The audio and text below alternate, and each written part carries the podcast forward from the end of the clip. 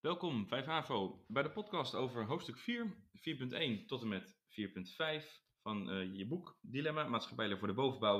En het hoofdstuk van vandaag is pluriforme samenleving. Goed, laten we maar meteen uh, beginnen. We beginnen met sociale identiteit en persoonlijke identiteit. En wat daar belangrijk is, is dat je daar het verschil tussen begrijpt. Namelijk dat bij uh, sociale identiteit, dat hangt samen met jouw relatie tot de groep. En was, wie ben jij binnen, binnen de groep? Dus in, in mijn geval zal het zo zijn van ik ben een leraar. Dat is onderdeel van mijn sociale identiteit. Uh, en mijn persoonlijke identiteit gaat om ik ben Jeroen. Ik ben, nou, meneer Van der Pol zou dan ook sociale identiteit zijn, hè, want zo zien jullie mij. Ik zie mijzelf als gewoon als mijzelf, als Jeroen. Gaan we het hebben over cultuur. Wat is het nou precies? Nou, cultuur dat gaat om waarden, normen, nou, bijvoorbeeld rituelen en uitingsvormen, zoals bijvoorbeeld symbolen, die mensen met elkaar delen en vaak vanaf vanzelfsprekend beschouwen. En dan zie je op pagina 135 zie je bron 3, het cultuurmodel. En die maken een verschil tussen de expliciete cultuur en de impliciete cultuur. Nou, de expliciete cultuur is eigenlijk hè, hoe ziet een cultuur er vanaf de buitenkant uit. Um, dat leuke plaatje wat we in de klas hadden gezien met al die vooroordelen over die Nederlanders erop. Hè, de molens en de klompen. Dat is allemaal uh, expliciete cultuur. En de impliciete cultuur, dat zijn wat diep van ons van binnen zit. Dat zijn de, overtuigingen. Dus de waarden, de, de, waarden de, bijvoorbeeld het nagaan van individuele vrijheid vinden wij als Nederlanders over het algemeen erg belangrijk. Hè? Dus het boek noemt inderdaad ook dingen als homoseksualiteit, euthanasie en abortus. Dat zijn allemaal vraagstukken binnen onze, binnen onze cultuur voor het individu. En wij vinden dat we in Nederland over het algemeen gezien dat wij daar vrij in mogen zijn. In wat we, daar, wat, wat we daarin mogen kiezen. Nou, nog even terug te komen op die waarden en normen. Wat waren dat nou ook weer? Nou, waarden, dat zijn nastrevenswaardige eigenschappen. Denk even aan vriendelijkheid of beleefdheid. En normen zijn manieren waarop je die waarden kan laten zien. Dus bij beleefdheid zou het zijn uh, ouderen met u aanspreken. Of respect is bijvoorbeeld ook een uh, waarde. En een norm die erbij hoort is, uh, ik behandel een ander zoals ik zelf ook behandeld wens te worden. Dus kortom, één gaat om een diepe overtuiging, een nastrevenswaardige eigenschap. Dat is dus een waarde. En een norm is een gedragsregel die bij zo'n waarde hoort. Uh, we gaan het nu hebben over pluriformiteit. Uh, pluriformiteit is eigenlijk een nieuwe manier, of een andere manier om te zeggen, multiculturele samenleving. Uh, alleen pluriformiteit is natuurlijk nog inclusiever. Doordat de nadruk niet wordt gelegd op cultuur, maar op ja, letterlijk alle verschillende vormen. Dus je boek zegt erover, pluriformiteit betekent meerdere vormen hebben. In Nederland leven veel verschillende groepen mensen naast en met elkaar. Denk bijvoorbeeld aan gehandicapten, studenten, gereformeerde Antillianen. Er zijn ook verschillen in levensstijl, religie, afkomst, regio, voetbalclub enzovoort. We voelen ons met elkaar verbonden door een gezamenlijke sociale identiteit. Wij zijn namelijk allemaal Nederlander. Ja, dus dat heeft eigenlijk te maken uh, met die pluriformiteit. Hè? Dus de nadruk ligt niet langer op cultuur, wat we uh, een x jaar geleden wel hadden. Uh, maar nu is het letterlijk gewoon op alle verschillende vormen. Nu hebben we wel veel verschillende culturen. Hè? Nu hebben we die pluriforme samenleving. Er zijn natuurlijk wel bepaalde culturen die echt, die echt groter zijn. Ehm, ik wil eigenlijk een onderscheid even maken tussen een dominante cultuur, subcultuur en een tegencultuur. Nou, hoe ziet dat er nou precies uit? Uh, we hebben in Nederland over het algemeen toch wel een bepaalde gemeenschappelijke identiteit, een gemeenschappelijke cultuur. Dat zijn de cultuur, de dominante cultuur, die de meeste Nederlanders eigenlijk met elkaar delen. Uh, binnen zo'n dominante cultuur, je moet het zien als een grote, een grote cirkel, heb je dus allemaal kleine minicirkeltjes en dat zijn subculturen. Subculturen, denk even aan bijvoorbeeld skaters of subcultuur zou ook bijvoorbeeld kunnen zijn Friese. die maken onderdeel uit van Nederland, maar die hebben wel een eigen taaltje en eigen gebruiken bepaalde tradities. Uh, maar een kenmerk van zo'n subcultuur is, het is een onderdeel van die dominante cultuur. En die zijn het eigenlijk over de belangrijkste dominante normen en waarden zijn, zijn ze het eens. Um, het andere gedeelte daar is een tegencultuur. Die staat daar juist buiten of echt op het randje. Uh, want die deelt heel veel niet met de dominante cultuur. Denk even aan ieder, ieder woord waar je extremist achter kan zetten. Dat is dus per definitie zijn die tegen de dominante cultuur. Uh, ja, in, de, in mijn jeugd had je op een gegeven moment uh, de Occupy-beweging, Occupy Wall Street. En die waren echt tegen het kapitalisme en die waren tegen het dominante systeem op dat moment. Dus dat kon je op dat moment echt klassificeren als een tegencultuur. En dan komen we aan bij het laatste begrip. van deze paragraaf. En dat is sociale cohesie. En dat betekent de onderlinge verbondenheid. En dat is belangrijk voor het wij-gevoel. Dat is namelijk dat je je ook verbonden voelt met uh, andere Nederlanders en mensen met andere culturele afkomsten. Of tenminste, uh, niet alleen cultureel, maar ook pluriform gezien. Um, denk even aan praktisch opgeleid uh, en academisch opgeleid, dat die mensen elkaar blijven ontmoeten. Uh, jong, oud. Hè, dus het is veel breder dan alleen die cultuur of nationaliteit. Goed, zijn we aanbeland bij uh, paragraaf 4.2.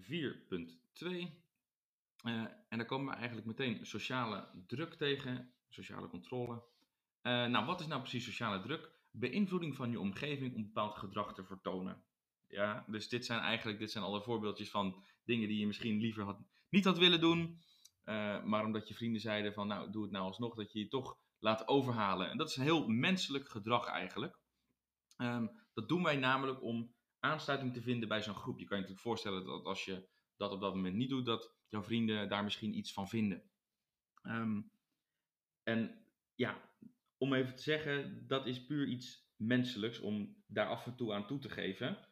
Um, want lidmaatschap van een groep heeft ook zeker weer te maken met identiteit, hè, zoals we net al besproken hebben. Dus je sociale identiteit. Maar het geeft ook een bepaald veilig gevoel. En niet alleen dat veilige gevoel is belangrijk, maar ook helpt het bij de socialisatie, hè, het, leren van gewenst en ongewenst gedrag. Um, daar maken ook je ouders, maar ook bijvoorbeeld je vriendengroep of je school, die spelen daar eigenlijk een belangrijke rol in. Dus in dat opzicht is het ook al, uh, ja, is die sociale druk daarvoor ook al wenselijk, omdat dat je natuurlijk helpt bij uh, ja, goed gedrag laten zien en slecht gedrag afstraffen. Nou, dat socialiseren en die socialisatie heeft eigenlijk ook te maken met uh, imitatie. Uh, jongeren beginnen met te veel drinken onder invloed van vrienden. Dit kan je beschouwen als een vorm van imitatie. Imitatie betekent hier dus nadoen. Het zijn vooral de 15 en 16-jarigen die te veel drinken. Het wordt in de levensfase steeds belangrijker om geaccepteerd te worden door leeftijdsgenoten. Dus kortom, hè, je komt in een vriendengroep terecht. Uh, en dat lidmaatschap van die groep doet ertoe. Dat is belangrijk uh, voor je identiteit en ook voor je ontwikkeling als mens. En dan kunnen inderdaad dit soort uh, problemen ontstaan. Ja, dat je misschien toch de druk voelt om iets te doen, om, om erbij te horen, waar je misschien zelf niet 1, 2, 3 helemaal achter staat. Verder ja, heeft dit hoofdstuk, hoofdstuk 4.2, eigenlijk ook nog over het onderhandelingshuishouden. Dat is een verandering die de afgelopen ja, decennia in Nederland al gaande is. Namelijk dat je ouders niet meer hè, het stereotype beeld zijn van heel autoritair en je moet per se om die tijd thuis zijn, maar dat het langzaam plaats maakt of plaats aan het maken is voor een onderhandelingshuishouden. Um, wat we eigenlijk zeggen is dat ja, ouders de mening van hun kind steeds serieuzer nemen en ook bereid zijn inderdaad bepaalde concessies te doen. Dus we hadden in de les hadden we dat, uh, dat schemaatje behandeld, waarbij je dus al die verschillende opvoedstijlen zag. Dit zijn dus die, is dus inderdaad die democratische opvoedingsstijl, waarbij je dus inderdaad gaat proberen tussen ouders en kind afspraken te maken over bijvoorbeeld hoe laat moet je thuis zijn. Ja, waar het vroeger, praat je over 50, 60 jaar geleden, gewoon een eenvoudige mededeling was van je bent dan thuis, punt. Misschien ook nog wel korter geleden zelfs hoor. Dat dit, al, uh, dat dit nog iets nieuwer is. Nou, we hebben het net al een beetje gehad over sociale druk. Gaan we het nu hebben over sociale controle uh, en socialiserende instituties. Nou, socialiserende instituties zijn bijvoorbeeld ouders, school, buurtbewoners. Dat zijn allemaal mensen die bezig zijn met jou hè, een stukje op te voeden. Nou, wat is nou precies die sociale controle? Het boek stelt dat het alsmaar is afgenomen. Uh, ik durf daar nog wel wat op af te dingen. Uh, want we zijn zeker ja, individualistischer geworden. Hè? We gaan straks ook even individualisering behandelen. Um, maar als je nu gaat kijken naar bijvoorbeeld, je hebt allemaal een mobieltje. Eh, waarschijnlijk ook waar je deze, deze podcast op aan het luisteren bent. En ik durf wel te stellen dat die sociale controle misschien wel is toegenomen. Ook om hè, hoe online je identiteit zich aan het vormgeven is. En dat ook uh, ja, met één druk op de knop kan je alles meteen opnemen. En kan het met het tweede drukje op de knop kan het al op internet staan. Um, dus ja, of die sociale controle helemaal is afgenomen in Nederland, uh, ik betwijfel het. Ja, we zijn wel minder hecht geworden. Hè? Dus als je voor mensen met geschiedenis, hè, de verzuiling inderdaad, uh, dat was natuurlijk het toppunt van sociale controle. Dus vroeger hoorde je vaak bij een kerk, of uh, bijvoorbeeld katholiek of protestant, of je was lid van een vereniging of bij een politieke partij. Nou, dat, is allemaal, dat neemt allemaal af. Dus die, die verbondenheid. Maar ja, we zijn wel op andere manieren bezig met die sociale controle. En die sociale controle is dus, is dus letterlijk.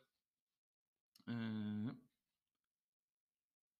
leden van een groep letten erop dat mensen zich gedragen zoals van hen verwacht wordt. Gewenst gedrag wordt beloond en ongewenst gedrag wordt bestraft. Dus dat is eigenlijk een beetje in Jip en Janneke taal. Uh, je wordt in de gaten gehouden. Dus als je s'avonds uh, naar de kroeg, en het klinkt alweer als heel lang geleden, naar huis fietst, dan ben je natuurlijk al in je eigen straat altijd extra stil, omdat je weet van, nou, overal kan ik wel een beetje schreeuwen.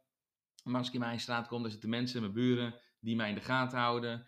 Die vertellen tegen mijn ouders misschien hoe irritant ik was dat ik zo luidruchtig met mijn vrienden thuis kwam. Um, en daar staat dan een bepaalde sanctie op. Ja, en de sanctie die voelde je niet uh, drie kilometer eerder op de fiets. Uh, want toen was je nog vrolijk aan het zingen. Nou, maakt het boek nog uh, verschil tussen ehm, informele en formele sancties? Nou, een informele sanctie, dan praat je dus als een ongeschreven regel wordt geschonden. En een formele sanctie, dan kan je echt denken aan, aan een bekeuring. Ja, dus het boek zegt erover er wordt over informele sancties gesproken als er ongeschreven regels worden geschonden. Informele sociale controle kan bijvoorbeeld een complimentje zijn als een kind zich beheerst met drinken, maar ook een uitgaansverbod als het kind te veel heeft gedronken. Als je dronken op straat loopt en de orde of veiligheid verstoort, dan overtreed je een geschreven regel in het wetboek van strafrecht. Uh, staat hier op een geldboete in de eerste categorie maximaal 360 euro. Nou, dat is dus een formele sanctie. Dus een informele sanctie betekent een ongeschreven regel overtreden met een ongeschreven straf er eigenlijk bij. Maar een formele sanctie is dus een formele overtreding en er hoort ook een formele maximumstraf bij. Nou, zijn mensen dan de hele dag bezig met van, oh, nou, welke regeltjes moet ik ook weer allemaal vandaag luisteren? Nee, dat gaat eigenlijk vanzelf en dat is dus dat proces van internalisatie. Uh, internalisatie is eigenlijk een doorgevoerde socialisatie. Hè? De socialisatie is, je leert alle regels die in jouw omgeving gelden, zowel in je land als je gezin als school of noem maar op. Maar uh, we staan er niet continu bij stil meer wat die regeltjes allemaal ook zijn. Het is namelijk al geïnternaliseerd. Je hebt het je al eigen gemaakt, dus het gaat als het goed is al vanzelf. Ja? Uh, jullie zijn eigenlijk over het algemeen gezien al voor, uh, um, ja, voor de bel in het lokaal. Nou, dan weet je dus inderdaad, als ik dat niet ben, dan staat er dus een sanctie op. En dan moet ik een, een geel wit briefje halen beneden bij de conciërge. Ja, dus dat is een voorbeeld van internalisatie. Hè? Dat, dat heb je al uh, eigen gemaakt. En dat was alweer 4.2. Gaan we verder naar 4.3. Zijn verschillen en problemen? Um, nou, praten over push- en pull factoren, autochtonen, allochtonen, daar gaan we het zo allemaal over hebben. Um, laten we beginnen met de push factoren. Push factoren, dat zijn allerlei factoren die ermee te maken hebben van dat je weg wil uit het land waar je vandaan komt. Denk even aan oorlog, maar ook een instabiel politiek uh, klimaat of uh, geen gelijke rechten voor uh, bijvoorbeeld homo's. Dat zijn allemaal voorbeelden van pushfactoren. Armoede kan een pushfactor zijn. Um, dus kortom, allemaal redenen van waarom wil je weg uit het land waar je op dat moment bent. Poolfactoren zijn nou juist, is nou juist, nou juist net iets anders. Dat is, wat maakt het land waar jij naartoe wil zo aantrekkelijk? Dus dat kan in Nederland bijvoorbeeld zijn een goede werkgelegenheid. Dat kan bijvoorbeeld voor Nederland zijn een relatief politiek stabiel klimaat. Eh, artikel 1 van de grondwet. Hè. Allen die zich in Nederland bevinden worden in gelijke gevallen gelijk behandeld. Discriminatiewegens, en dan krijg je dat hele rijtje, uh, of op welke grond dan ook, is niet toegestaan. Ja, dus je kan je voorstellen dat voor mensen die vanuit het buitenland komen, uh, denk even aan bepaalde landen in het Midden-Oosten, dat die daar erg vrolijk mee, vrolijk mee zouden zijn, hè, met die artikel 1 van onze grondwet. Daar waar je in sommige van die landen ja, niet jezelf kan zijn, moet dat in Nederland volgens de wet in ieder geval wel kunnen. Ja, komen we aan bij uh, autochtonen en allochtonen. Nou, het is een verouderde definitie. Laat ik daarmee beginnen. Ja, want CBS is inderdaad, uh, heeft dat inderdaad veranderd. Um, maar de definitie is niet alleen veranderd, is niet veranderd alleen de naam. want een allochtoon is iemand, dat noem je nu trouwens een persoon met een migratieachtergrond, is Iemand met een migratieachtergrond is een persoon van wie tenminste één ouder in het buitenland is geboren. Er wordt onderscheid gemaakt tussen de personen die zelf in het buitenland zijn geboren, dat is de eerste generatie, en personen die in Nederland zijn geboren, dat is de tweede generatie. Dus kortom, de definitie van allochtoon is niet veranderd, alleen de naam. Nou, dat hebben ze natuurlijk gedaan omdat uh, ja, de term allochtoon is eigenlijk om aan te duiden waar zijn je ouders geboren, maar die stond vaak negatief in de belangstelling in de media. Uh, ja, het begon eigenlijk een soort scheldwoord misschien wel te worden, terwijl het natuurlijk nooit zo bedoeld was. Maar de naam is nu persoon met een migratieachtergrond. En wat is dan een autochtoon? Nou, dat is iemand wiens ouders in Nederland zijn geboren binnen een autochtoon. Dan wordt er bij allochtoon of persoon met een migratieachtergrond nog gesproken over uh, westers en niet-westers. Uh, en dat is wel eh, een beetje bijzonder als je er even over nadenkt. En want er zijn mensen uit Australië noemen we westerse allochtonen. Nou, die liggen natuurlijk heel ver naar het oosten van ons. Mensen die bijvoorbeeld vanuit Turkije en Marokko komen, wat veel dichterbij is, die noemen we ineens niet-westers. Dus hoe komt het eigenlijk nou? Westers verwijst hier niet naar waar het ligt op de wereldkaart, maar Westers verwijst hier naar, komt het land waar ze vandaan komen, in algemene zin een beetje overeen met hoe het hier in Nederland, zeker Europa, gaat. Ja, dus bijvoorbeeld Australië, dat lijkt over het algemeen wel een beetje op hoe het hier in Nederland gaat en hoe het in Europa gaat. Hè? Bepaalde dominante normen en waarden en de rechtsstaat en dergelijke. De, en landen zoals Turkije en Marokko, daar noemen ze het niet-westers. Ja, daar vallen allerlei dingen natuurlijk op af te dingen. Ja, je zou natuurlijk ook gewoon geografisch gezien wat beter kunnen kijken van waar komt uh, wie vandaan. Maar dit is even het onderscheid wat ze maken. Kennelijk heeft dus dat begrip niet-westerse allochtoon, uh, dat wordt in verband gebracht met een achterstandspositie. Hè? Dus uh, westerse allochtonen zijn vaak, zegt het boek ook, welvarend en staan niet negatief in de belangstelling. En dan negatief in de belangstelling, daar is ook een bepaalde rol voor de media weggelegd, over hoe die daarover schrijven. Uh, uitzondering bijvoorbeeld is nu de migranten uit Oost-Europese landen. Sinds Polen is toegetreden tot de EU, hebben zich bijna 19.000 Polen zich in Nederland gevestigd. Uh, zij vormen nu de grootste groep westerse allochtonen. Ja, dus zeker in de regio, in de Bollenstreek, staan Polen nog wel eens negatief in de belangstelling. dus ook dat argument van niet-westerse allochtonen, of westerse allochtonen staan nooit negatief in de belangstelling, klopt niet helemaal meer.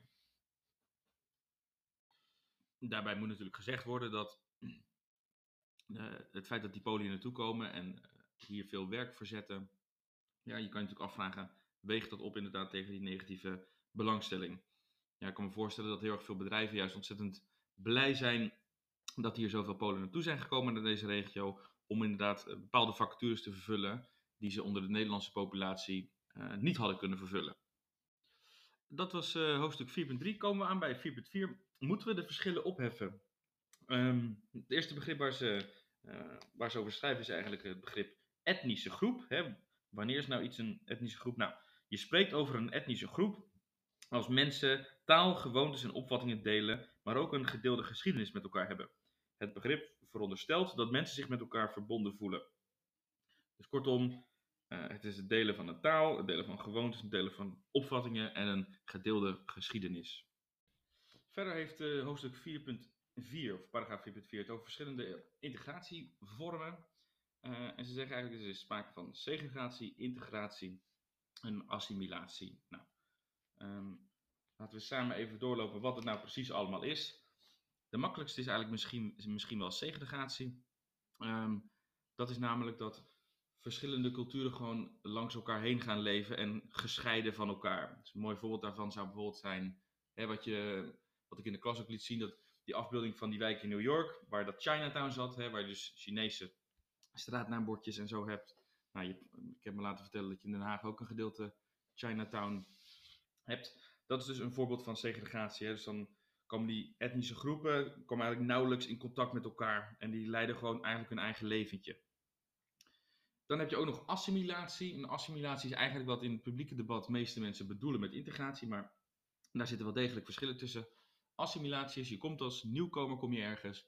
En dan is het het uh, idee dat je je volledig aanpast aan de dominante cultuur. Ja, dus mensen uh, ja, vergissen dit nog wel eens met integratie. Hè? Die denken dat dit integratie is, maar dit is assimilatie. Hè? Dus het volledig aanpassen aan die dominante cultuur en je eigen cultuur die je had uh, laten gaan. Nou, wat is nou integratie? Integratie is eigenlijk een beetje een mengvorm tussen deze twee. Dus je probeert wel je een positie te verwerven binnen de binnen de samenleving, hè, binnen die dominante cultuur, zonder daarbij je eigen cultuur te verliezen.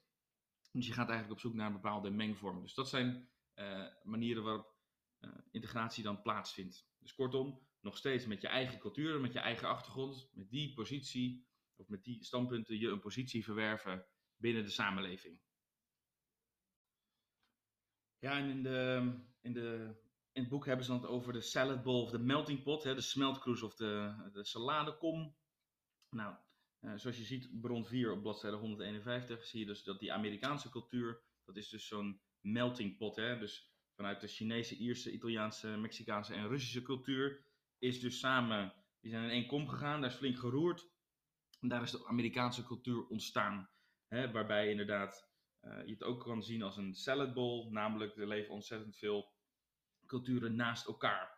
Dus dan zie je allemaal dat verschillende fruit wat je aan de andere kant bij bron 4 ziet. Um, nou, die integratiemodellen, hè, zoals die segregatie, integratie en assimilatie, dat zijn eigenlijk allemaal theoretische modellen. Dus kortom, in de werkelijkheid eh, kan je meerdere van deze vormen ineens in één land hebben. Zoals ik net al aangaf, bijvoorbeeld in New York, Chinatown. Uh, Amerika kan inderdaad op bepaalde manieren sterk gesegregeerd zijn, uh, maar ook op bepaalde gebieden sterk geassimileerd, of op bepaalde manieren sterk geïntegreerd. Dus het zijn alleen maar ja, het is een ideaal type. Komen we aan bij de laatste twee begrippen van deze paragraaf, namelijk integratiebeleid en uh, sociaal milieu. Nou, uh, om te beginnen met integratiebeleid, wat is dat nou? Een beleid dat gericht is op achtergestelde groepen in de samenleving meer kansen te geven op een goede opleiding en werk. Ja, dus daarmee proberen ze die sociaal-economische positie te bevorderen. omdat dat, hè, het hebben van werk wordt in Nederland gezien als een belangrijk onderdeel van integratie. Nou, wat is nou het sociale milieu?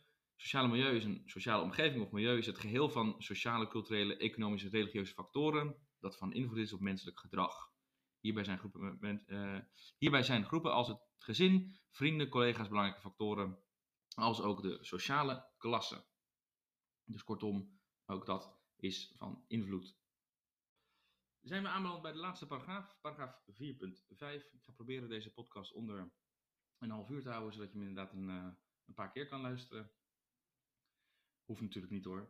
Um, hoe tolerant zijn we eigenlijk? Nou, um, allereerst gaan ze beginnen ze met wat is nou precies discriminatie? Nou, artikel 1 van de grondwet, het anders behandelen van mensen op basis van kenmerken die er niet toe doen. Bijvoorbeeld afkomst, ras, huidskleur, geloof, politieke overtuiging, seksuele geaardheid of leeftijd. Ja, dat is volgens artikel 1 van de grondwet is dat niet toegestaan. Wat is nou tolerantie? Tolerantie is de mate waarin groepen en of individuen met afwijkende meningen en gedragingen worden geaccepteerd. Deze afwijking is altijd in relatie tot de dominante cultuur. Dus kortom, we kijken af wat wijkt er van de dominante cultuur. Hè? Want we zijn automatisch al tolerant voor uh, mensen die onderdeel uh, vormen van die, uh, van die, dominante cultuur. Hè? Dat, zullen, zullen, wij namelijk helemaal niet ervaren als vreemd. Um, dus kortom, tolerantie gaat altijd over de vraag: de mensen die juist afwijken van die dominante cultuur, in hoeverre nemen we die mensen serieus en in hoeverre laten we die mensen er, er zijn. Uh, komen we aan bij vooroordelen en stereotypen. Nou, vooroordeel is dus een mening die je hebt over een bepaalde groep of een bepaalde persoon die niet op feiten is gebaseerd. Nou, dus het is letterlijk een vooroordeel. Het is heel menselijk. Uh, kunnen jij en ik eigenlijk weinig aan doen, maar je hebt vast wel iemand die je wel eens op straat ziet of iemand die je op een feestje ontmoet waarvan je denkt van nou dat zal een enorme eikel zijn. Um, en dat achteraf blijkt dat dan niet te kloppen. Of blijkt wel te kloppen, maar hè, mensen hebben ook wel een behoefte om in bepaalde hokjes te denken en om hè, bepaalde mensen even te categoriseren. Uh, dat zijn dus allemaal vooroordelen. Ja, dus uh, zonder dat je iets weet, dat je toch ergens een bepaalde mening al over, al over hebt. Um, nou, en stereotypen zijn eigenlijk al die voordelen op één grote hoop gegooid. Uh, en die maken in jouw hoofd een soort denkbeeldig poppetje. Um, nou, wat dus inderdaad wel eens gedaan wordt met, uh, er zijn veel, zo'n stereotype beeld van bijvoorbeeld um, een Surinamer, hè, dus uh, van die lange rastaharen, overal te laat. Nou, natuurlijk totaal niet op feiten gebaseerd. Um, dus kortom, dat is echt een stereotype. Ja, het is dus een uh, fictief beeld wat je hebt van een bepaalde groep mensen, waar ze volgens jou allemaal aan, aan moeten voldoen. En het is maar de vraag in hoeverre dat met de werkelijkheid overeenkomt. Ja? De ervaring leert dat, dat, uh, dat, je er, dat je er heel vaak gruwelijk naast zit. Zijn al die voordelen en stereotypen dan per definitie heel erg? Mm, dat is een moeilijke vraag. Dat hoeft niet per se zo te zijn.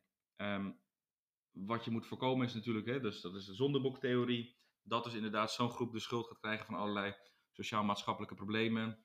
Zoals in tijden van de Tweede Wereldoorlog. Uh, het waren ze in Nazi-Duitsland bezig, ook met, een, met die zondeboktheorie. En toen kregen de Joden van allerlei dingen uh, de schuld. En vervolgens zijn die Duitsers, die nazi's, die zijn er ook naar gaan handelen. Dus die hebben ook inderdaad echt een campagne opgezet om ja, die, het Joodse ras uit te roeien, of de Joodse, Joodse gemeenschap. Ja, en dan wordt op, dat moment worden stereotypen en vooroordelen, die zondeboktheorie, dan wordt dat wel een penibele situatie.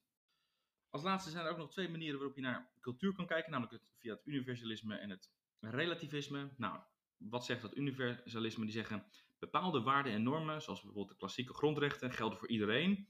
Binnen het kader van de grondwet is er wel ruimte voor culturele verschillen. Um, dus die zeggen eigenlijk, uh, je moet naar culturen als volgt kijken. Uh, die zijn allemaal verschillend van elkaar, maar ze hebben één gemeenschappelijke deler. En dat is de wet die, hier, die geldt in het land uh, waar die cultuur tot uiting komt. Dus kortom, je hebt in Nederland heb je uh, bepaalde vrijheden, maar de vrijheden eindigen altijd bij daar waar de wet begint. En daarom staat ook achter vaak, uh, die vrijheidsrechten staat ook vaak achter behoudens ieders verantwoordelijkheid voor de wet. Dat wil zeggen, um, je bent vrij in Nederland om te, te doen en laten wat je wil, mits je je maar houdt aan de wet. Nou, die cultuurrelativisten die kijken er eigenlijk anders naar. En die zeggen eigenlijk, uh, ja, culturen die kan je niet met elkaar vergelijken, want ze zijn alleen te begrijpen van, als je helemaal terug gaat kijken naar hoe ze zijn ontstaan. Ja, dus die, die praten eigenlijk over gelijkwaardige culturen, maar niet over uh, dat je ze niet met elkaar kan vergelijken. Goed, um, dat was het. Dat was de podcast over hoofdstuk 4.1 tot en met 4.5. 4.6 hoef je dus inderdaad uh, hoef je dus niet te kennen. Um, heel veel succes op jullie essay. Ik denk vast dat het helemaal goed gaat komen. En wellicht tot een volgende keer.